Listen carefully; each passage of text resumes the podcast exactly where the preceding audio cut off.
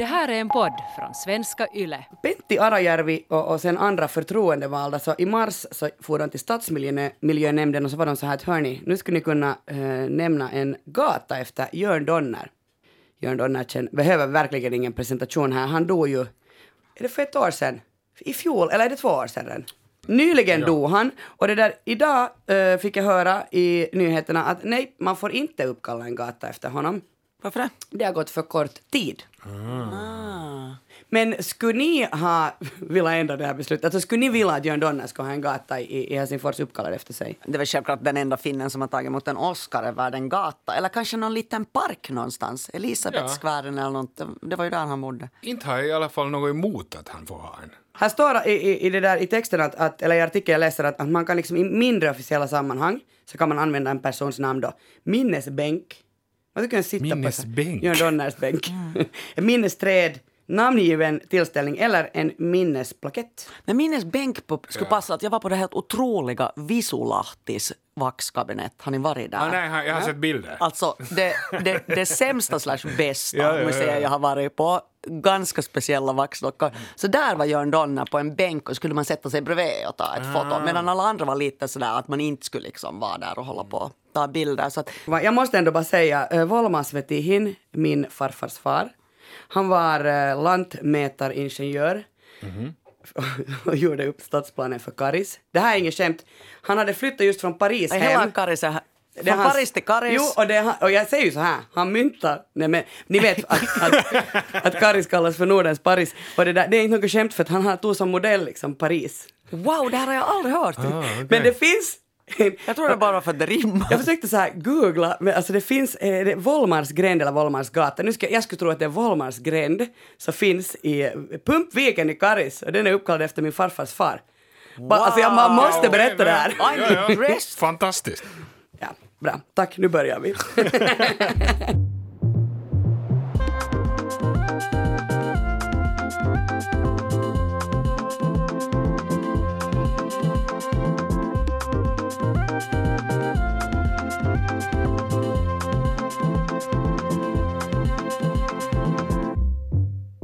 Välkommen till Sällskapet, en kulturpodd med samhällsperspektiv. Jag heter Kia Svetihin och med mig har jag Elmer Bäck och Andrea Reuter. Moj! Moj! Moj. Hur står det till?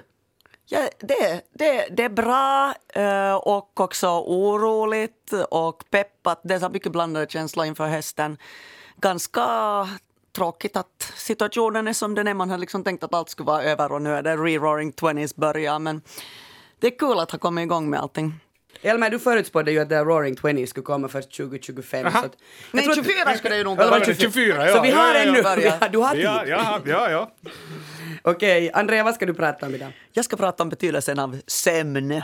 Det är helt bra det att du påminner mig när jag är så här asigt trött. Och det så här, det, alltså det, hösten har ju faktiskt kommit lite för snabbt. Mm. Um, jag ska prata om viljan att vara barnfri och vad det innebär. Alltså frivillig barnlöshet och så började jag fundera att det kanske borde kallas barnfrihet och inte barnlöshet. Ja, det har jag ju myntat för länge sen. Bra, Andrea.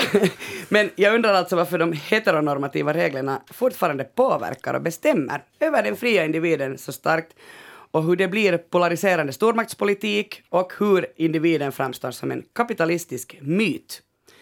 Elmer, vad tänker du prata om? Uh, det blir myt också här. Det är myten om det enhetliga jaget ska jag tala om, utgående från James Fadimans och Jordan Grubers bok Your Symphony of Selves. Ja, jag ska alltså prata om sömn och betydelsen av sömn. Och jag var ganska fascinerad av det här ämnet väldigt länge. Men nu äntligen så hittade jag en hook som gör det aktuellt. För att eh, Matthew Walker, som är den främsta sömnforskaren och den som på det, på det sättet populariserar hur viktigt det är att vi bryr oss om sömnen. Han var med i Lex Friedmans podd här för någon vecka sedan. Och sen så sa också Jeff Bezos tidigare, alltså alla vet vem det är, Amazon-grundaren, miljardären, han gick ut och sa att jag sover åtta timmar per natt. Mm. Det är jätteviktigt. Och tidigare har företagsledare ofta skrutit om att de sover så här lite. De vaknar klockan fyra och springer ja. och håller på. Så här. det, känns som, ja, det känns som att det liksom håller på med något skift i, i, um, i kulturen. Och sen har jag också tänkt på sömn mycket nu under pandemin. Uh, för när man inte behöver göra sig i ordning och, och fara till, till kontoret så har jag använt den tiden till att sova mera. Jag äter heller ingen frukost för jag sysslar med det här intermittent fasting som man äter inom åtta timmars eh, fönster. Så då har jag sovit mera och jag märker hur mycket det påverkar ens, ens mående. Alltså vad händer? Vad liksom, kan du säga det här, så här direkt att det här har, har hänt med mig? Jag är liksom snällare. Eller Men det är så jättesvårt när man ska avväga det mot allt annat som händer med en under liksom pandemin. Mm. Men, men definitivt att jag, jag har, um, uppskattar sömn mycket mer och att jag, jag ser till att prioritera sömnen väldigt mycket. Um, och alltså min fascination började då när den här Matthew Walker var på Joe Rogan Experience eh, 2018 och han har gett ut en bok som heter Why We Sleep Unlocking the Power of Sleep and Dreams. Och sen dess har han varit på en slags kampanj att få um, läkarkåren men också allmänheten att förstå hur viktig sömn är. Um, och sen så sov jag också på ett nytt ställe häromdagen och märkte att jag sov ganska dåligt. Och det finns forskning kring det, nämligen ena halvan av hjärnan sover inte lika mycket som den andra när man sover på ett nytt ställe. Och det här finns, det är liksom för att man ska upptäcka faror lättare. Alltså för, för jag har varje gång jag ska sova på ett nytt ställe, vare sig det liksom är Eh, i en trygg miljö eller på ett hotellrum, så sover jag dåligt första natten. Ja, och det, och det är alltså helt en biologisk eh, evolutionsgrej. Och, och till exempel bland annat djur delfiner kan liksom sova på riktigt med ena halvan av hjärnan baken och andra halvan sover. Och med sömn är både kvalitet och kvantitet viktigt. Eh, man ska sova mellan sju och nio timmar. Så fort man går under sju timmar så påverkar det ens förmåga att leva. Liksom alla ens ett sätt att tänka, ens kreativitet, ens ork och också ens hälsa. Det där, förlåt, 79, är det, det är ändå liksom inte... Um, alltså är det, är det så att man, är det, gäller det alla? Eller så, kan inte det här vara gäller individuellt? alla. Eh, Det finns ju den här att det är många människor som säger att jo, jo, att jag klarar mig minsann på sex timmar Jag är sån. Jag är Eh, sån. och eh, typ 100 procent av de som säger det har alltså då fel, enligt den här Matthew Walker. Ehm, att det är ungefär en av, um, liksom en procent av befolkningen som faktiskt inte visar något eh, äh, motor, ja, deras eh, motoriska eller äh, kognitiva funktioner skulle påverkas av att inte sova tillräckligt. Så det är liksom enligt honom då en myt. Um, och det finns två typer av sömn. Då REM-sömn som de flesta känner till, alltså när man drömmer. Och sen icke-REM-sömn och den är indelad i fyra olika steg från lätt till djup. Alltså det heter så steg 1, 2, 3, 4. Och alla de här är jätteviktiga. Och de påverkas av olika faktorer. Um, så till exempel eh, REM-sömnen påverkas av om man dricker alkohol. Ni har säkert märkt att man sover så här sämre. Och det som jag tyckte var en jätteintressant detalj är att det som man kallar delirium hos alkisar, att de blir så där, typ får hallucinationer och sånt. Det är för att de genom att ha druckit så mycket har undertryckt REM-sömnen. Och till slut blir det behovet av REM-sömn så hårt att det kommer in i liksom vakenheten. Ja, det- Och de börjar som drömma vakna. Ja, ja. Det tyckte jag var helt jätte Hej, men nu. Det är liksom en detalj. Men Asking for a friend, eh, hur kan man dricka alls då? Alltså jag menar, är det så här, vid en öl påverkas REM-sömnen? tyvärr påverkas det av ett enda glas vin påverkas ens sömnkvalitet. Jag tycker inte om den här boken. Nej, alltså det, det jag kommer nu att berätta, för vi ska diskutera lite hur er sömn är, men man, man får ju nog panik om man inte har en bra sömn om man läser för att eh, jag ska bara säga några så här. Okej, ehm, om man sover för lite, alltså så här under sju timmar, som man så påverkar det ens testosteronnivåer så att man är liksom som en tio år äldre. Och det påverkar allt från muskelstyrka till eh, potens till allt sånt här. Eh, det är också bevisat att man dör i förtid. Eh, och Alzheimer, den absolut största orsaken till Alzheimer är för lite sömn. Och det finns ju många så här världsledare som har skrutit, liksom, till exempel Reagan och Thatcher skröt om hur mycket de inte sov, alltså hur lite de sov och de dog båda i Alzheimer. Um, och sen så påverkar det immunsystemet jättemycket för att eh, kroppen skapar hela tiden cancerceller och då finns det sådana här celler som liksom, eh, förstör dem. Och de cellerna blir svagare om man inte sover. Sen så äter man också mera och fel saker av att ha sovit för lite. Så det är därför det är så farligt till exempel att skiftarbeta och, och nattarbeta. Och, så. och sen påverkas hjärt och kärlsjukdomar. Alltså det finns till exempel undersökningar då att när vi går över till sommartid och då får man ju en timme mindre att sova. Då stiger hjärtattacker med 24 procent och sen på hösten när man får en timme till då sjunker det eh, med 21 procent. Eh, och enligt eh, forskning, nu är det här USA, i USA är det så att 50 procent av befolkningen inte får tillräckligt mycket sömn. Det här är från innan pandemin, så nu vet jag inte hur pandemin har påverkat. Man blir ju liksom inte så här. Och sen om vi går bort från de här jättehemska sakerna så kan vi gå till hur mycket sömn hjälper. När man sover så är det som att det är som en tvättmaskin i hjärnan. Att hjärnan liksom sköljs och den sköljer bort alla toxins, alla liksom gifter. Uh, och det är därför det är så otroligt viktigt. Och det finns i princip när man undrar varför vi sover. För egentligen är det lite konstigt att man skulle ligga där helt paralyserad och att man inte är medveten om någonting. Det är ju jättefarligt om någon attackerar en. Men det är för att allting blir bättre av sömn. Minnet, kreativitet. Också om man eh, id, är liksom en toppidrottare till exempel så gör man någonting, man övar på något och så om man sover på saken så är man liksom 20% bättre på det för att hjärnan liksom arbetar på de här skillsen medan man sover. Och de har också sett när de har testat på råttor då som ska lära sig hitta i en labyrint. Så när man mäter deras hjärnvågor så kommer det som ett, så här, liksom ett mönster. Och när de sover så upprepas det här mönstret först 20 gånger snabbare. Liksom. Tritt, tritt, tritt, tritt. Så de, de övar på det. Så det där med, och det finns i alla språk att sova på saken. Eller på franska sova med saken, mer romantiskt språk. Um, så att, att det, det, finns något i det där, liksom, det har man vetat på något sätt alltid. Jag läste en undersökning också om att uh, man hade undersökt uh, hur mycket uh, så här proffsmusiker tränar. Och de bästa musikerna, de tränar jättelite, men de sov. De tog så här powernaps. Mm. Mm. Och varje gång de blev stressade eller trötta så var de bara så här, okej okay, nu tänker jag vila. Och det gjorde att de blev alltså extremt bra. Mm-hmm. Ja. Det måste ju hänga ihop med det här med sömn. Alltså ja. Man måste bara liksom tillåta sig att sova. Och min spaning är, alltså, den börjar vara nästan lite gammal den spaningen, men jag tror att man, man är väldigt medveten om hur viktigt motion är. Och man är väldigt medveten om hur viktigt diet är. Och nu är vi inne i det här att man är medveten om hur viktigt sömn är och nästa tror jag att kommer att vara hormoner. Bara, I, I said it. Nu har jag sagt det så här. Ni vet var ni hörde det först. Men vad är, vad är liksom er relation till sömn? Våga ens fråga? Det lät på Kia som att du... Du har också småbarn och det ja. har du också Elma. Mm. Ja, alltså jag uh, har det problemet som du sa här till början att jag förstår inte. Jag har, jag, vad var det, hur sa du? sa det så bra. Jag har liksom inte accepterat, eller jag fattar inte liksom att, att uh, uppskatta sömn. Nej, det som du sa att det hade hänt med dig efter att du hade börjat sova mer. Värde, värdesätta det. Värdesätter ja. sömn. Att jag värdesätter det otroligt mycket på veckosluten. För att då är, jag så här, då är jag jättenoga. Men under vardagarna så orkar jag inte för jag vill ha Då vill du inte höra om det här sömnskuldsforskningen som jag också Nej. har koll på? Nej! då då slopar vi den delen. För att summera så här att, att um, jag vill ha egen tid, jag vill titta mm. på White Lotus mm. till klockan ett. Mm. Och sen stiger jag upp sju och sen sover jag ju, alltså jag sover sex timmar. Alltså jag, är en, mm. jag, jag, jag ska nu inte jämföra mig med Margaret Thatcher men alltså, ni, ni, jag kan men få minnesproblem. Men det som jag kanske skulle kunna liksom trösta var att, att, att den här Matthew säger att man egentligen är vi byggda för att sova liksom i två olika omgångar. Att, att man sover sju timmar på natten och så sover man en timme där kring två till fyra. Och det är alltså helt biologiskt. Det där man känner sig trött kring två, tre tiden. Det där med siesta, there is a point. Alltså, jag är ju intressant, alltså, jag tycker på det viset paradoxalt, för att när jag var yngre så hade jag ganska mycket insomningssvårigheter och problemet med det där är att när man får höra det där så somnar du ju inte. Ja, alltså, då får man ju helt panik. Problemet är det där att ju mer panik du får över att du borde ja, sova mer, desto ja. mindre sover du. Det är lite som när man ska sluta röka, det hjälper inte att säga att du får cancer, du, då vill mm. du bara röka ännu mera. Mm.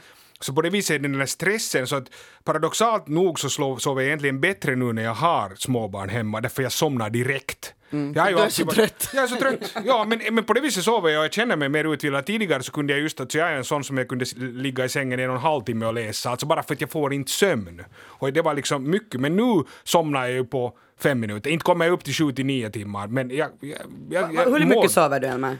Ja, det är svårt, men jag tror att jag är lugnt, mer närmare. Nu har jag sovit, i natt har jag sovit säkert lite på sju timmar. Nu, var det en lång natt. Men jag menar sex timmar skulle jag tro inte så mycket. Men sen, nu har jag ju ett och ett halvt. Men inte tror jag, alltså det är du några år när du har små barn. Jo, jag menar det. Jag bra. Alltså, det är ju inte som att du kommer nej, nej. nu att dö i Alzheimer, nej, utan bara du sköter dig sen resten ja. av livet. Men jag, märker, men jag märker just att det här problemet med de här grejerna är just det att, att där är ju skillnaden med diet och sådär, det kan du ju ha koll på. Mm. Men du kan inte bestämma att du ska somna. Det, det går, du, kan, du kan inte vara så nu måste jag och ju mer du tänker så här, jag måste Fast annars är det farligt. det finns ju strategier då, enligt, som det vet säkert alla, ja. Re reguljära tider, det ska vara mörkt. Ja.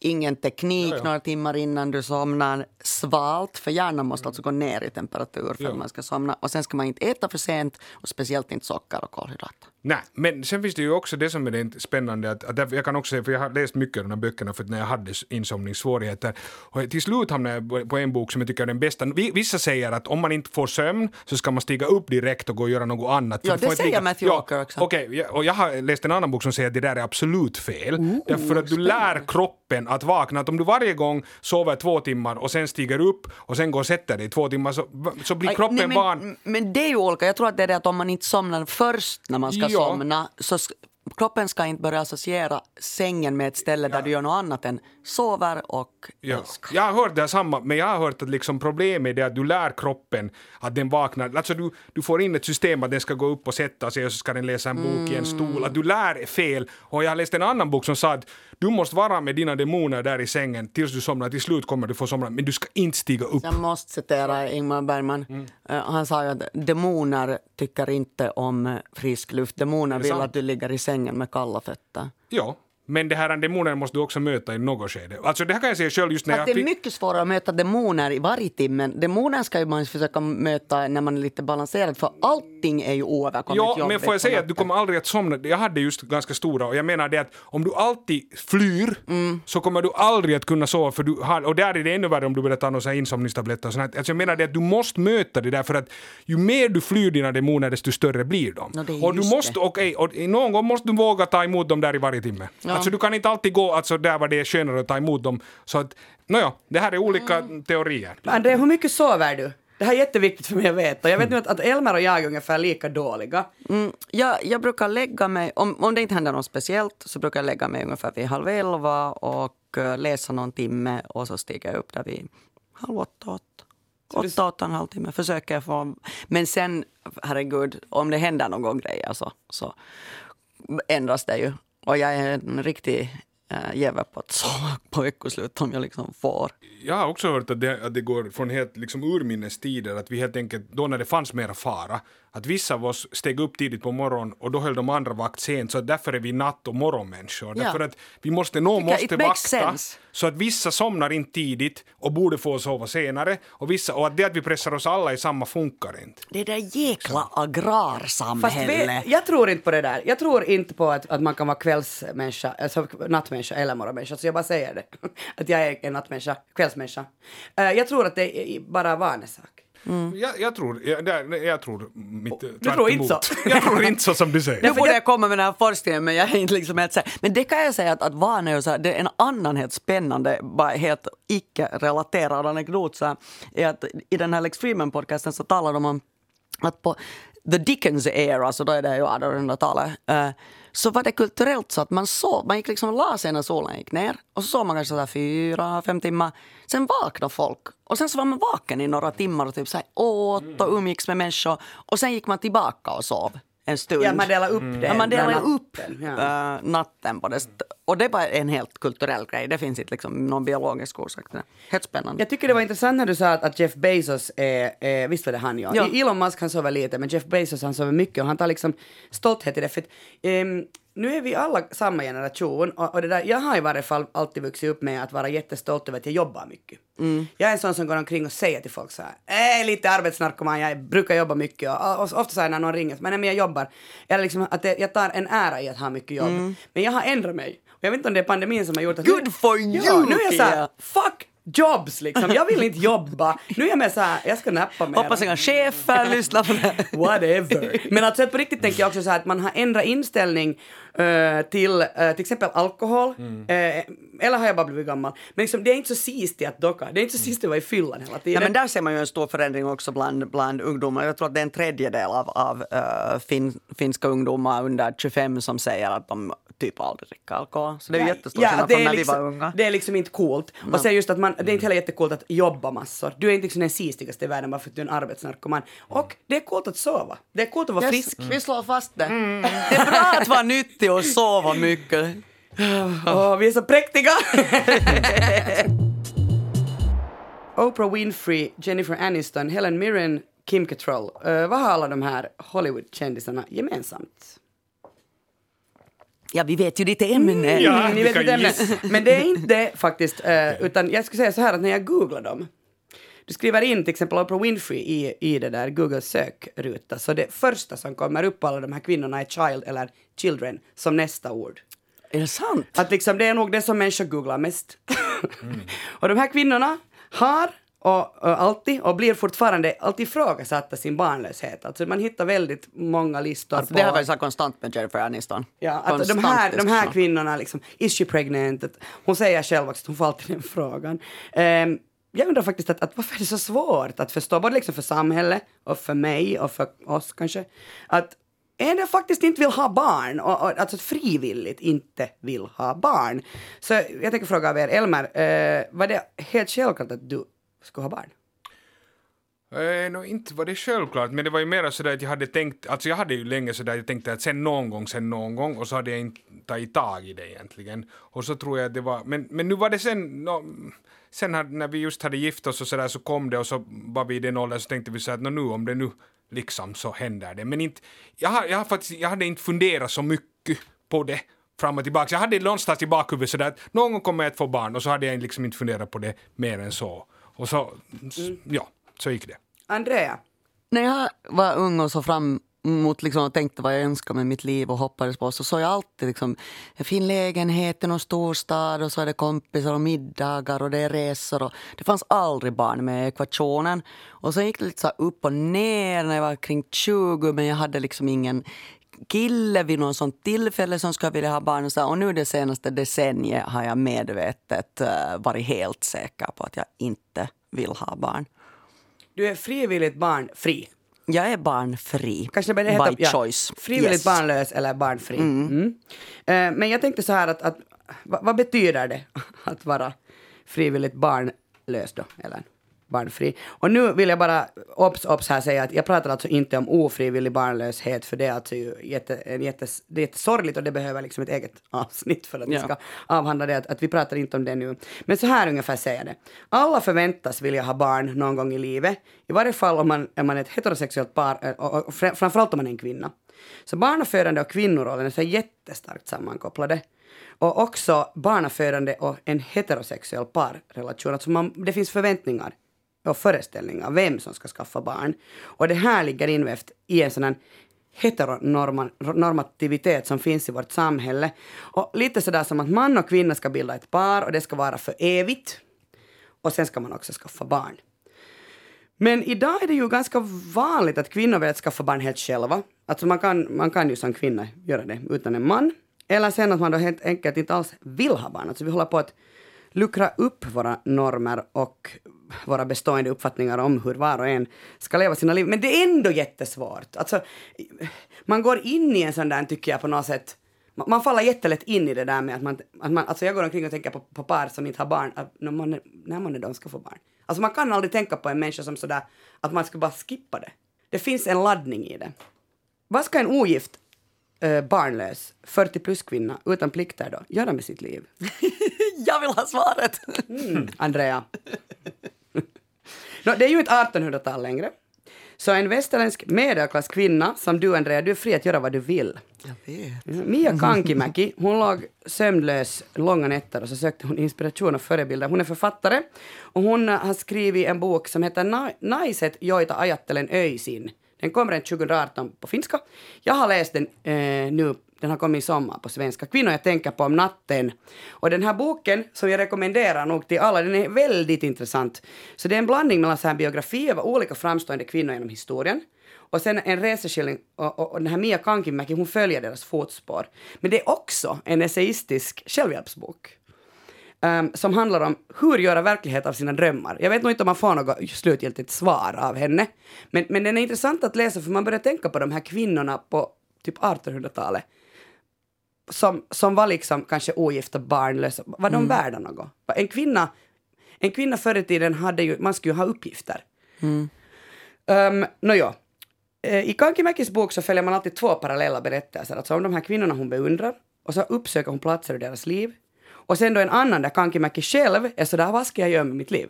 Och, och det där, hon, hon reser väldigt mycket och är fri. Och hon skriver om tio kvinnor och om sig själv och de här kvinnorna har då alla rest ut i världen och de har både upptäckt världen men också sig själva. Och det där, hon har nu tio kvinnor men jag tänkte att, att de som fascinerade mig mest var eh, USAs första kvinnliga grävande journalist Nellie Bly, känner ni till? Eh, på 1800-talet. Eh, hon var en hängiven eh, feminist. Hon faktiskt gjorde sin karriär på att wallraffa. Och hon låtsades vara psykiskt... Och hon var ju den som wallraffade före wallraff. Ja, före Mr Wallraff så, så låste hon, hon låtsades vara psykiskt sjuk och blev intagen på, på ett mentalsjukhus, Blackwell Island. Tio dagar var hon där, sen kom hon ut och så skrev hon ett reportage om den här misären där. Men hon blev mest berömd för att hon övertalade sin arbetsgivare Joseph Pulitzer, jo, den Pulitzer, um, på tidningen New York World, att skicka henne jorden runt med målet att visa att Jules Verne hade fel. Och det där, hon färdades på kortare tid än 80 dagar runt jorden. Hon färdades på 72. Nåja, det som jag tyckte var jätteintressant eh, när det gäller Nelly Bly är att eh, hon klarade sig på resan med endast en väska. Eh, för att förr i tiden hade man ju jättemycket saker, men man sa att kvinnor kan inte resa för de behöver så mycket saker. Massa olika hatt, och, och, och, och, ja, och liksom olika dräkter för olika tillställningar. Alltså jag är jätteglad att, att världen alltså har utvecklats från 1800-talet. Hon reste i en dräktig tweed som hon bar varje dag i 72 dagar. Uh, i sin, hon hade bara en liten väska med, det var, där hade hon underkläder, det hon behövde för att skriva, bläck och en burk ansiktskräm, två hattar, tre sjalar, tofflor och en termos. En annan person som Mia Kankimäki skriver om som inte klarar sig med så lite bagage, det är den danska författaren Karen Blixen. Mm. Känner ni säkert till. Ja, absolut. Uh, har ni sett filmen? Mitt Afrika. Ja, förstås. Jag tror det är någon jätte, Ja, Robert Redford, ja. 1985. Den finns på Netflix. Mm. Jag såg den, helt, ja, såg den helt nyss. Men hon, liksom, hon flyttade till Afrika uh, så hade hon med sig då ett matsalsmöblemang, två sovrumsinredningar, lådvis med matsilver, kristallglas, porslin, linne, tavlor, inramade fotografier, smycken, mattor, ett franskt golvur, sin morfars hela bibliotek, en koffert full med mediciner och den skotska hjorthunden Duff. Nåja, men det där, eh, Mia Kankimäki upptäcker under, under liksom sin egen resa att, att Karen Blixen vilseledde sina läsare. Och också i den här boken så framstår ju då Meryl Streep, som ska föreställa Karen Blixen, som väldigt så självständig och modig och, och driftig och skjuter lejon och, och, så här. Men på riktigt var Karen Blixen depressiv, stressad, rädd och låg mest till sängs. Hon blev smittad av syfilis av sin man. Och det där, hon var totalt beroende alltså av hopplösa män. Och, men å andra sidan kan man ju tänka att, att eller Mia har sagt efteråt, Kankimäki då, att det var jätteskönt att upptäcka att Karen Blixen var jättenormal. Alltså hon var som vi. Och hon skrev ju en massa fantastiska böcker. Hon gjorde ju det. Men det som är intressant med den här boken är ju liksom kanske att Alltså nu när jag har, den är också väldigt, väldigt lång. Jag har lyssnat på den 19 timmar. Jag började alltså den på sommaren. Men det där, Eh, jag tänker att, så att, att, man blir nog så där och fundera att herregud så kvinnorna har haft det svårt liksom att, att göra självständiga saker. Att idag är det lättare att vara. Mm. Ja, det är fruktansvärt. Min, min kusin, min mamma kom från Åland så min kusin hade gjort så här släktforskning och så var det så han var alla då morfars liksom, släktingar han gjort och det var elva barn och alla har ju emigrerat till USA och så vidare. Och så var det om en kvinna var det bara så här eh, ogift, blev på hemman. Det var allt som stod om hela hennes liv. Och jag fick sån panik av det där. Alltså, hon var någon slags obetald piga liksom där, typ hos sin brorsa. Någonting. Och hur tacksam jag är för no, kvinnokampen och överhuvudtaget bara det moderna. Att det har gått vidare till att jag kan fatta det beslutet att jag inte gifta mig och inte skaffa barn och arbeta för min egen försörjning. Alltså den friheten vi har nu, jag tar det i alla fall inte som en självklarhet och jag är tacksam varje dag över att vara född nu här. Kankimäki skriver om en renässanskonstnär också som födde elva barn medan hon var aktiv konstnär. Mm. Och alltså hon såg till att familjen hade liksom pengar då och sen födde hon också, hon måste ju, man måste ju se till, det måste man ju kanske komma ihåg att förr i tiden så födde man ju barn för att liksom de skulle, man skulle ha arbetskraft. Mm. Att elva barn medan hon, hon jobbade som konstnär. Ja, plus att det fanns inte preventivmedel så man kunde inte planera. Och tre av dem förstås bara överlevde. Men tänk ändå, hon gick ju igenom då elva graviditeter och förlossningar. Och döda. Och, döda. och sen, barnen dog. Och att de dog, ja. Hej, det där, I Sverige hade den här sommaren skrivits eh, lite då kring frivilliga barnlösas varande eller icke-varande. Journalisten Elina Panke hon skrev en opinionstext i Aftonbladet där hon funderar på om man borde se på graviditet som ett arbete bland andra. Ni vet så som man säger att hushållsarbete borde man helt enkelt räkna som arbete för mm. det är så mycket jobb. Eh, hon påpekar att, att också idén om att man är helt fristående så här då, som André, att man kan välja själv och du kan själv förverkliga dig själv, det är också en kapitalistisk myt. Nåja, vad är det hon egentligen menar? Äh, hon har läst en bok av författaren Sophie Lewis som heter Full Surrogacy, surrogacy? Sur, Full Surrogacy Now, Feminism Against Family. Den är från 2019. Nå, den här Sophie Lewis, hon är nu inte på något sätt ute efter att hylla surrogatindustrin, utan hon försöker liksom egentligen bara få en materialistisk förståelse av familjen. Alltså, det största problemet med surrogatindustrin säger hon att inte liksom det är att barnen skapar ett särskilt modersband till modern som bär på barnet. Alltså det, det, är inte det som är det problemet, utan problemet är att de här kvinnorna exploateras och utnyttjas och de skapar profit åt de som redan är förmögna. För de som väl använder de mest surrogatmödrar är väl rika, vita västerlänningar. Nå, och då säger hon så här att oavsett om man talar om altruistisk eller kommersiellt surrogatmödraskap så går det alltid ut på samma sak. Man ska säkra medel och överklassens fortsatta reproduktion. Men jag tänker att om man ser den här debatten eh, som att barnafödande är ett arbete så gör man ju den barnlösa värdelös. Alltså att, att mening... På vilket sätt då, om den eh, förvärvsarbetar. För att om man skulle tänka hela tiden att meningsskapande i dagens ekonomi är synonymt med vinstskapande. Alltså att man har liksom, man tar bort att det är någon mening med att skaffa barn annan än att det skulle vara ett jobb. Ah, okay. uh, varför vill man inte leva som i en kärnfamilj uh, då, med partner, barn, hund, villa? Jo, för att man vill leva självständigt, tänker jag då. Man, man vill liksom göra vad man vill, resa vart man vill. Man vill vara oberoende från jobbiga familjeband. Alltså jag menar, va, uh, du sa Andrea att du har aldrig haft Ska man säga så att du har aldrig haft den där modersinstinkten? Så mm, du det kan man säga att jag har aldrig haft den där biologiska driven. Och då tror jag att, att om man inte har den så kan man också se lite mer nyktert och rationellt på det hela. Och jag är annars också en ganska rationellt liksom, driven person. Eh, så jag har liksom bara aldrig varit intresserad av att skaffa barn. Och det, det här är alltså inte det att jag inte skulle tycka om barn. Jag har liksom två äh, brorsdöttrar, jag har två gudbarn, jag har massor av barn som jag är kompis med, som är mina polares barn. Äh, men jag är liksom inte alls intresserad av barnrelaterade grejer. Um, att stå någonstans vid någon park eller, eller barnkultur eller, eller någonting. Liksom, det har aldrig varit min grej. Och det är ju otroligt mycket ansvar. Och sen, på tal om mitt ämne, eh, man får inte sova. Eh, och barn är ju ehm, majoriteten av tiden ganska jobbiga. Det är ju ändå objektivt. Alltså sen älskar man sina barn och man vill ta hand om dem och så vidare. Men eh, det är ju inte som att det är liksom någon dans på rosor. Det finns ju också helt vetenskapliga undersökningar att småbarnsföräldrar är olyckliga än andra under liksom ett visst antal år. Och um, om jag nu inte måste göra det här och inte har någon lust att göra det så why would I? Och sen tänker jag att det också frigör väldigt mycket tid till andra saker som jag tycker är viktigt att hålla kontakt med. Jag har väldigt stor vänskapskrets att, att, att, att vara som ett kitt som håller ihop olika äh, vän, vänskapsgrupper grupper. Eh, att vara den som liksom ordnar, den som koordinerar. Och sen också tänker jag att det finns en del i att vara en förebild, speciellt för unga flickor. Att det går att leva sitt liv på ett annat sätt. Och jag vet att jag eh, är jätteviktig som den där coola eh, fastern eller gudmodern eller mammas och pappas kompis som är lite konstig för att hon inte är gift och hon har inte barn. Jag tror att det är jätteviktigt den delen också. Så att jag ser jättemycket mening i mitt liv utan att ha egna barn.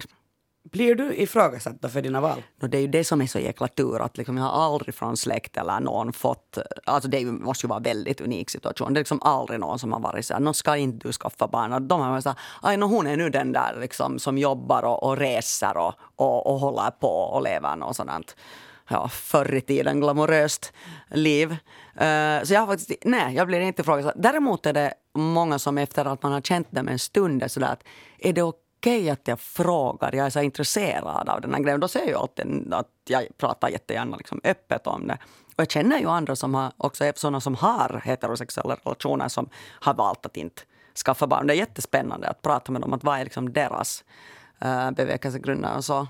Orkar du umgås med liksom med, med småbarnsföräldrar?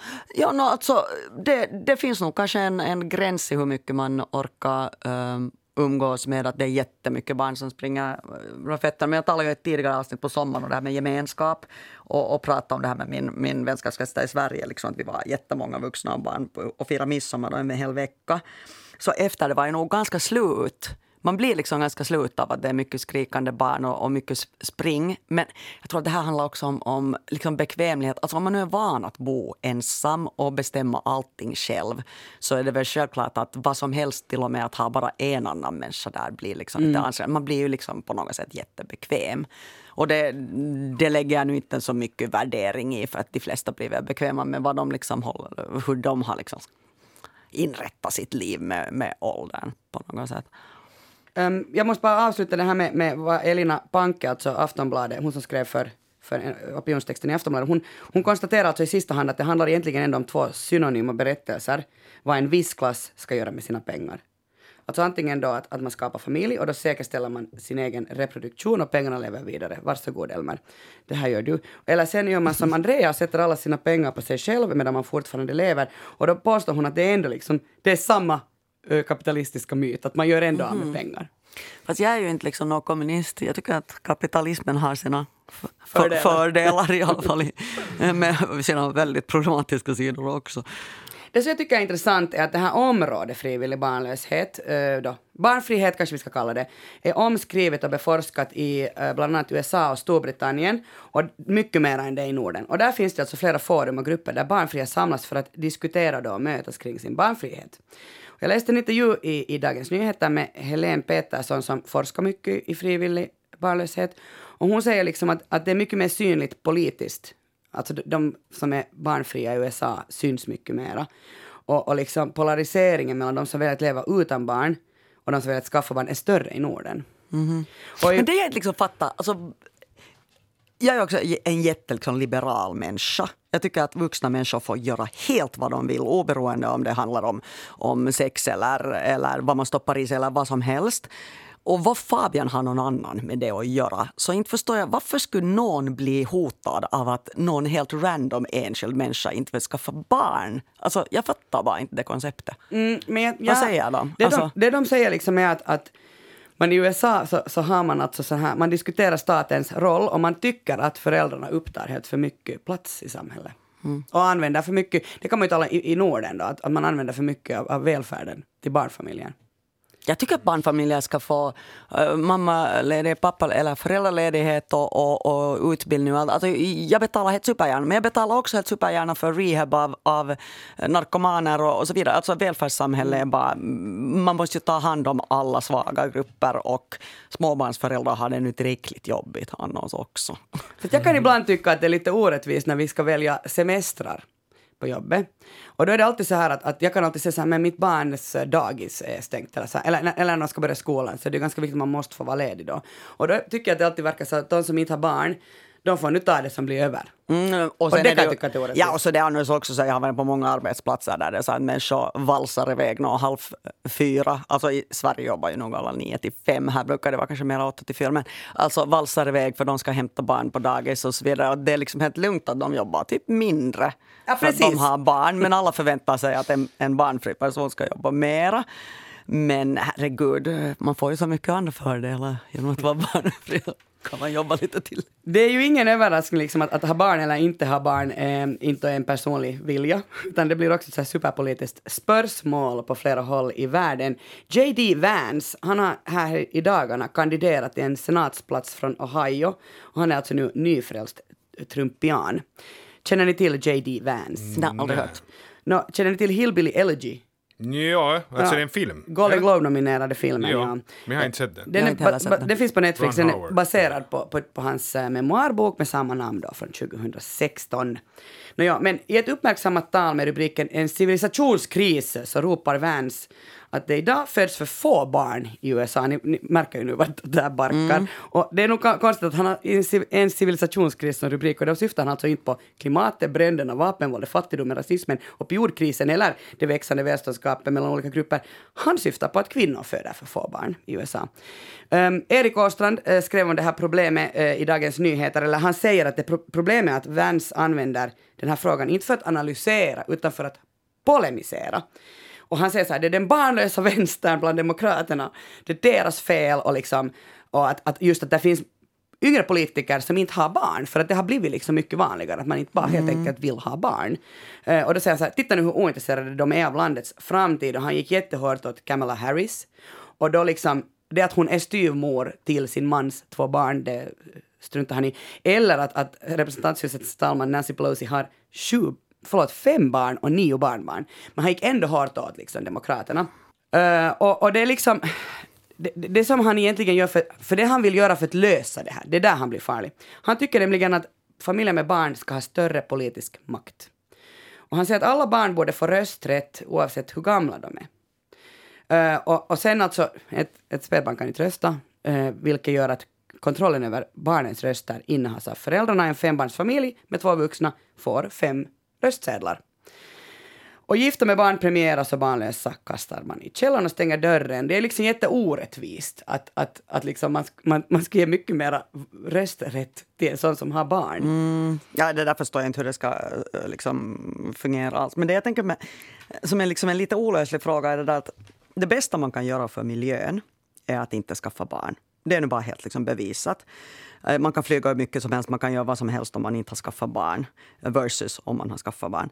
Men sen så behöver vi också, vi har en demografi där folk blir eh, äldre och äldre och det finns inte tillräckligt mycket människor i skattebetalande ålder.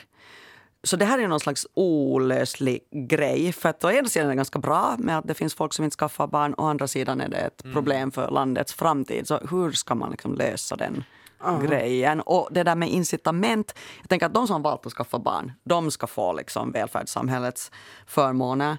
Men det är väl nog säkert svårt att få människor som inte är sugna på att skaffa barn att göra det mm. liksom med någon slags åtgärder. Men, men det kan ju nog vara att det finns sådana som låter bli att skaffa barn av ekonomiska orsaker. Att de skulle vilja skaffa men de tänker att de liksom inte har råd. Så de kan man ju nå. Men herregud, ingen skulle kunna med någon kampanj nå mig. Desto mer late. Men det är också en svår, jag tänker just på det, just som du sa, det är rationellt, för det tänker jag just att problemet med hela den frågan är att den så att säga, den är inte rationell om mm. du har barn utan den är totalt emotionell. För jag ja. tänkte just som du säger att om du rationellt listar upp alla de här grejerna så är det ju så, men sen att emotionellt vara med sin son liksom är bara, gör det, det är värt det, bara mm. det, alla de där sakerna. Och därför är det ju svårt, därför till slut så tänker jag ändå att vi kommer aldrig att kunna komma helt till en punkt var det bara är en rationell diskussion. Mm. Alltså att skaffa eller icke skaffa. Och jag tycker också att man får göra precis som man vill och båda två, men problemet är just där att jag tror att det ändå är en så emotionell grej och inte enbart en rationell grej. Mm.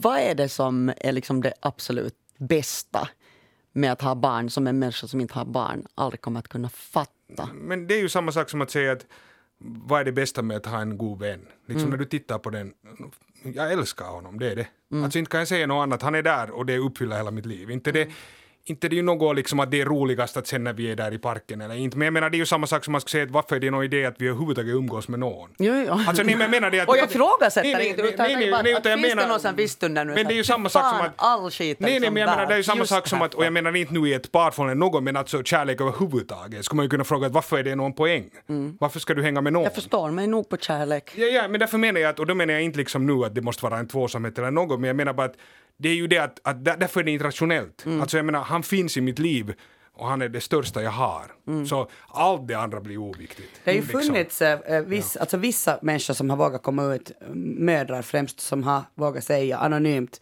att jag ångrar att jag skaffade barn. Men de får alltid så mycket skit så de tystnar ganska snabbt. Liksom. Men, men jag kan tänka mig nu måste det finnas också människor som säger herregud det här var det sämsta beslutet jag har fattat men nu är jag nu här.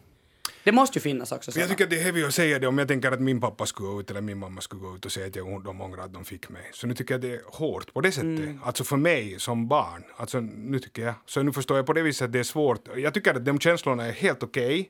Men jag, och det tycker jag absolut, jag menar jag förstår att man har de känslorna också. Jag dömer inte det.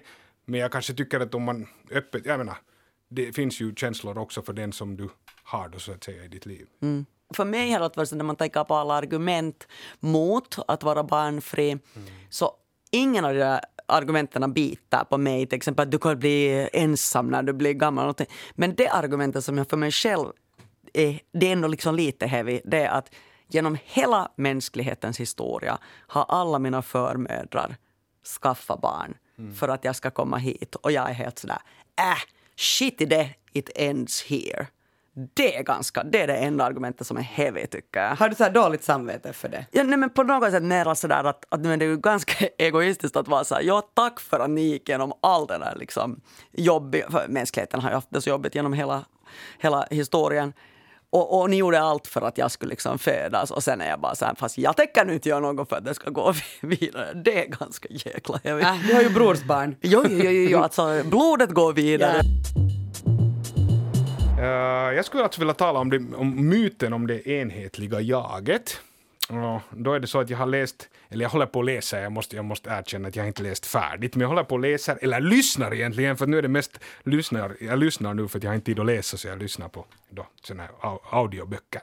Men då lyssna på James Fadimans och Jordan Grubers bok Your Symphony of Selves. Okej, okay. och den här boken handlar då om att, att vi har olika distinkta jag som lever i vår kropp samtidigt. Alltså att vi har inte ett jag, utan vi har flera jag. Och de, de menar då att, att man, kan, man kan lära sig att liksom framkalla det rätta jaget i rätt stund. De menar att problemet är att om du så att säga är i ditt fel jag i fel stund, eller ja, så då kan du inte njuta av den stunden. Så att till exempel om du har ett socialt jag som gillar att vara tillsammans med folk, då ska du liksom framkalla det när du är med folk, så har du det kiva. Och sen när du är ensam på landet ska du ha den där enstörningen och sen när du ska skriva så, så ska du ha det här kreativa. Och då menar de att vi, det bor då inom oss alla de här olika jagen. Och, och de har alla en funktion men problemet blir när de kommer fram i fel stund. Aha. Det är då deras Det låter schizofrent. Eh, ja, men de menar att det här är alltså att alla människor, att, alltså, självklart finns det då, om du har det på ett annat sätt så kan det bli en annan sak, men att det här då finns inom oss alla. Och så menar de också att det finns knep för att byta jag. De, de säger till exempel att om du andas djupt så kan du komma in i ett annat jag, meditation och så här. Och så menar de också att om du går till en plats var det där jaget fanns tidigare, till exempel ett café var du var jättekreativ, så om du går dit och haft en dålig dag så kan det hända att det kreativa jaget kommer fram. Mm. Nåja. Man är lite lockad så här. Ja, ja no, men det här är, det här är nu idén. No. Nåja, och det här, jag tycker att den här boken är ganska eh, intressant, men alltså det finns två saker som är ganska irriterande, som också båda känns lite så här som modegrejer nu. Det första är att den hela tiden håller på att säga liksom att what the benefits of reading this book are. Mm. What the benefits, ja. Och att den hela tiden förklarar att du blir förbättrad din människa och så tar den hela tiden liksom exempel på att den och den människan, David Bowie, Bob Dylan, Lady Gaga som liksom då opererar medvetet med olika jag och, och så finns den här framgångsrikhetsidén, vet mm. du, du blir framgångsrik och så här. Och det andra är också att den försöker liksom vara så här underhållande hela tiden. Och alltså, jag måste åtminstone säga att jag är jättetrött på att bli underhållen. Jag tycker att man blir, man blir så hiskeligt underhållen hela tiden att när jag läser faktaböcker där du lyssnar så tycker jag att det är så skönt om de är torra. Så jag måste säga att det finns ingen njutning än något som är så snustort. Jag älskar, jag hatar att det ska vara så underhållande. Det är så infotainment är inte Ja, men jag tycker att det är liksom, och då menar jag inte heller, jag är inte liksom för slow TV, det, det är inte min grej. Men alltså torr, torr fakta, jag tycker att det är härligt. Liksom, försök inte underhålla mig. Jag bara ger mig den här fakta. Men nu är det ju härligt med människor till exempel som någon som Malcolm eh, Gladwell som liksom eh, är så otrolig ekvilibrist i jo, jo. när han ger de där faktorna. Man kan vara både, jag tänker bara när jag läser, jag tänker också att om jag, okej, okay, om det är så här podcast eller om det är något sånt så tycker jag om, och det finns en kombination, och det här är nu inte 100% och 0%, mm, ja. men jag bara märker att det där när det känns som att allt ska vara så underhållande, mm. liksom som, allt ska liksom serveras, paketeras, paketeras ja. jag har blivit mm. så liksom Det är när, när, du tar fram boken så blir du den här akademiska Elmer. Det, det, det jaget kommer no, fram. Jag tror bara att det är så mycket underhållning. Alltså, jag menar, vi blir underhållna så mycket mer nu än tidigare tycker jag. Liksom hela tiden. Och allt är liksom gjort på ett sätt att underhålla. Så jag märker bara att jag är liksom trött på att bli underhållen, helt enkelt. Liksom. Nåja, men uh, så att jag är inte helt övertygad av den här boken. Jag är kanske inte helt övertygad heller av den här tesen, för jag tycker att man skulle också kunna säga bara att det är olika sidor av en. Jag är inte helt liksom övertygad att man måste kalla det då olika jag. Men jag tycker att det pekar på en jätteviktig punkt. Och det är det att jag tycker att nu så lever vi i en värld då som den här tanken om ett enhetligt jag är liksom starkare än någonsin. Och då menar jag att, att, att vi försöker nu mer och mer än någonsin försöka, för försöker vi få allt att gå ihop. Alltså att vi skulle vara då enhetliga. Jag menar då att vi måste säga så att okej, okay, jag kan inte gilla det där om jag gillar det här. Jag kan inte tycka det där om jag, inte, om jag tycker det här. Alltså mer och mer så försöker vi liksom ha ett paket som så att säga fungerar. Mm. Och det gör ju också att polemiken tycker jag blir större därför att det blir ju då att jag är inte som dem. Och det här, jag tror ju att en stor orsak till det här förstås är sociala medier.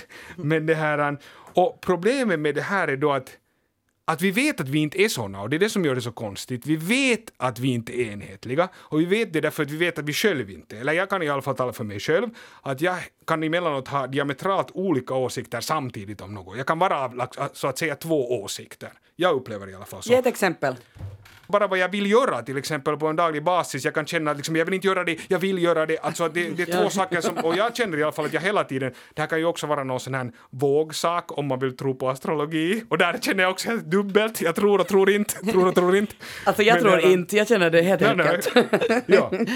no, men i alla fall. Så att, och då tänkte jag så här, att men vad om de här båda, båda sidorna då så att säga är lika sanna och borde få levas ut? Och, och så tänkte jag att kan, sku- kan man liksom få leva ut alla sidor av sig själv? Jag tänker ett sätt som man skulle kunna göra det är säkert om man skulle vara i en stad var man inte känner någon. I en stor stad var man inte känner någon. Så då skulle man ju kunna egentligen gå ut och vara så att säga olika. Man skulle inte måste ta hela tiden ansvar för vem man är. Men problemet är ju det att alla människor som känner en, man går inte med på det. Och det här är grejen, vi vill inte helt enkelt att andra människor ska vara komplexa. Speciellt inte människor som vi inte känner så bra. Och det är här jag tror att det kruxet är. Alltså att till exempel Alltså jag, jag är ju okej med att min fru är komplex. Alltså jag förstår att hon har massa olika sidor, jag vet. Så att om någon skulle säga så här, beskriv din fru.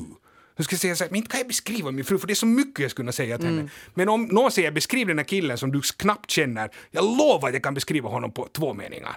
Exakt hurdan han är. Och det här är ju liksom grejen, och inom skådespelaryrket så säger vi ofta, speciellt inom komedin, att liksom huvudrollerna måste vara komplexa, för de ska man identifiera sig med. Och sen ju längre ut i kanterna man kommer, så desto mer så att säga typer får de vara. Alltså, liksom, då, kan det mer, då kan du spela bara en sida och den kan vara mer sådär liksom bara dumma eller bara roligare, bara onda eller bara knasiga. Förstår ni? Liksom typerna ute i kanterna. Och jag tror att det handlar om att så upplever vi världen, alltså att vi upplever att vi själva är jättekomplexa, de människor nära oss är mycket komplexa och så blir det liksom mindre och mindre och mindre. Och nu är problemet... Ja, och nu är problemet det att nu är vi sammankopplade. Alltså en normal människa är nu redan sammankopplad, ska vi säga tusen, två tusen människor med sociala medier. Så vissa är mycket mer, vissa är då mindre. Men att vi helt fysiskt människor, eller fysiskt eller psykiskt eller hur vi nu är utvecklade, är inte utvecklade att ha så många liksom, kontakter. Jag, vet, jag kommer inte ihåg, det finns ju någon spaning på Det det. är kring många- två- 200-250 som är det där liksom eh, stamantalet. Ja. Så att liksom t- 2000 är liksom omöjligt. Och, och, nu, och det betyder ju då att vi har massa personer i vårt liv som så att säga är typer för oss. Och vi är typer i massa människors liv. Alltså att jag är en typ då som ändå existerar. Jag menar just på sociala medier, man existerar någonstans där. I, tidigare så existerar man ju inte alls. Alltså jag menar nu existerar jag ju på något sätt för människor som jag tidigare... Alltså de skulle inte haft kommit ihåg överhuvudtaget att jag existerar. Men så här. Och för dem är man en typ som man ska då kunna beskrivas på en mening. Och jag tror att vi håller på att leva upp till det här. Alltså vi förenklar oss för att passa in som typ bland andra och de typerna passar in för oss. Så vi har liksom förenklat oss själva och andra människor så att det till slut leder till att allt blir förenklat. Men är, menar du att man förenklar sig själv på riktigt, att man blir mindre komplex, utan det är bara det att man liksom framställer sig som mindre No, komplex? ja, alltså jag tror att problemet blir just det där att man mest så att säga framställer sig och vet någonstans att det gnager men man så att säga hela tiden kapar av de där problematiska grejerna. Inuti så har du ju problem för att du vet ju att det vad du presenterar är inte sant och du vet också någonstans att de andra andra är intressant. men det tror jag igen leder till det att, att man, man tänker att de andra så att säga eh, ljuger. Alltså det blir mer en sån här att man är liksom sur på något sätt. Där tror jag det händer. Liksom man blir sur på andra för att man tror att de inte visar den där äkta sig, för att man gör inte det själv. Men att det blir ett spel vad vi alla har förenklat oss. Och, och, och så lever vi liksom, det blir en förenklad värld som också tycker jag just leder till den här motsättningen som jag tycker man ser mer och mer. Alltså Mm, det blir bara, för och emot. Ja, för och emot. Alltså vi har egentligen, alla har bara åsikter för eller emot den andra. Som just leder till det här liksom, no, extrema är just USA och vad du säger demokraterna, republikanerna och hela no, amerikanska samhället och i den mån efter det vi också. Men alltså det lever det här för att alla liksom så att säga hackar bort de där lite jobbiga grejerna som vi ändå alla har. Och, och så presenterar vi en bild. Om man säger så, men Elmer, beskriv dig själv med, med tre ord. Det här är just det jag menar, inte kan jag beskriva mig själv med tre ord. Okej, ju Andrea, själv- beskriv Elmer med tre ord. Eh, sympatisk, ehm, talangfull, uh, hårig. Hårig, vad roligt. Stämmer det här? No, eh, inte vet jag, men jag skulle ju säkert först ha sagt problematisk. Skulle jag ju uppleva mig själv, min första, om jag ska beskriva mig själv med ett ord. Du, Jag Och känner inte liksom- ju så bra, men okej, vi har poddat snart Ja. i no, över ett och ett halvt år. Men jag tänker så här, jag skulle, också, jag skulle säga kanske så här att du är ganska glad. Jag tycker oftast att du är ganska glad. Men inte vet jag om det stämmer. Energisk. Ja, Ja, ja, ja, när säkert. du kommer. Så. No, ja, ja, jag märker det, men jag menar det är ju också det att det finns ju den dubbelheten. Jag tycker att jag är glad också för att jag kan vara liksom andra sidan. Alltså det, ja. Och sen handlar det ju om att säkert något, att jag finns en orsak varför jag vill re, liksom presentera mig själv så, som säkert har med min bakgrund att göra. Men jag tänker, Liksom. det är väl typ mänskligt att, att man gärna vill ge en, en, en bra bild av sig själv när man är bland andra och speciellt när nu är vi ju också liksom offentliga. Så att, Det håller jag med om. Och, och, och jag förstår inte helt varför det är ett problem. Inte menar jag är det väl det- bättre än att jag sitter här och här skitsur. Bra liksom. bild menar jag inte alls att det är ett problem. Jag menar ett problem är då när man så att säga måste just kapa bort att om jag, om jag tycker det här så får jag inte tycka det här. Alltså att om jag gillar det här så då får jag inte gilla det här för att vem är jag då? Alltså att om jag gillar det här då betyder det att jag måste gilla det här och det här och det här och då måste det betyda att jag tycker det där och till slut har du liksom en helt, du, det finns massa saker du så att säga inte kan göra eller gilla för att det passar inte in i den här profilen som du har byggt som, som gör att om, så att om jag gör det här valet och där blir problemet. Alltså. Där menar jag att där får du inte vara den komplexa människa du är och du tillåter inte heller att andra människor i din närhet är det komplexa de är. Det var det jag menar. Men okej, Har du en lösning på det här? Nå, ja, men det intressanta är ju liksom att varifrån, om det då är, om det då är en myt, det här enhetliga jaget, och vi alla vet att det är en myt, så varför lever vi då upp till det? Eller varför lever vi enligt det? Och det som var intressant med den här boken att de anser att det beror på, i delvis då, att vi lever i en monoteistisk kultur. Alltså att vi har en gud. Och att när vi, när vi har en gud så betyder det ett enhetligt ja. Och nu är jag medveten om att vi, de flesta inte ens tror på den här ena guden mera. Men nu är det liksom det enhetliga jaget istället för den här guden. Men att det är där det har förändrats. Att om du ska ha flera gudar så skulle du liksom så att säga också få ha flera sidor. Mm. Och då så har jag tänkt då att vad är lösningen? Nå, flera gudar. Jag har tänkt att vi borde bringa tillbaka alltså Asarna! No, no, de också. Jag tänkte speciellt på antikens grekiska gudar, för det var de ju härliga i att de är ju komplexa. Alltså det finns Och de är riktiga rövhål de flesta av dem. Ja, men jag menar det, de är både, men de är både rövhål och så är de också, alltså de har massa olika sidor, alla de, och dessutom finns det jättemånga, så du kan plocka den och du kan ändra vem du vill ha och du kan också ha för olika delar av dig, alltså olika. Så jag tycker att vi ska börja tro på de antikens grekiska gudar. Det skulle liksom förbättra vårt samhälle. Tack Elmer Bäck, tack Andrea Reuter Tack. för sällskapet. Tack, tack! Tack. Vi får gärna dialog med våra lyssnare. Skriv till oss på sällskapet.yle.fi. Alla referenser hittar du i avsnittsbeskrivningen på arenan. Vi hörs, hej då! Hej då! Hej!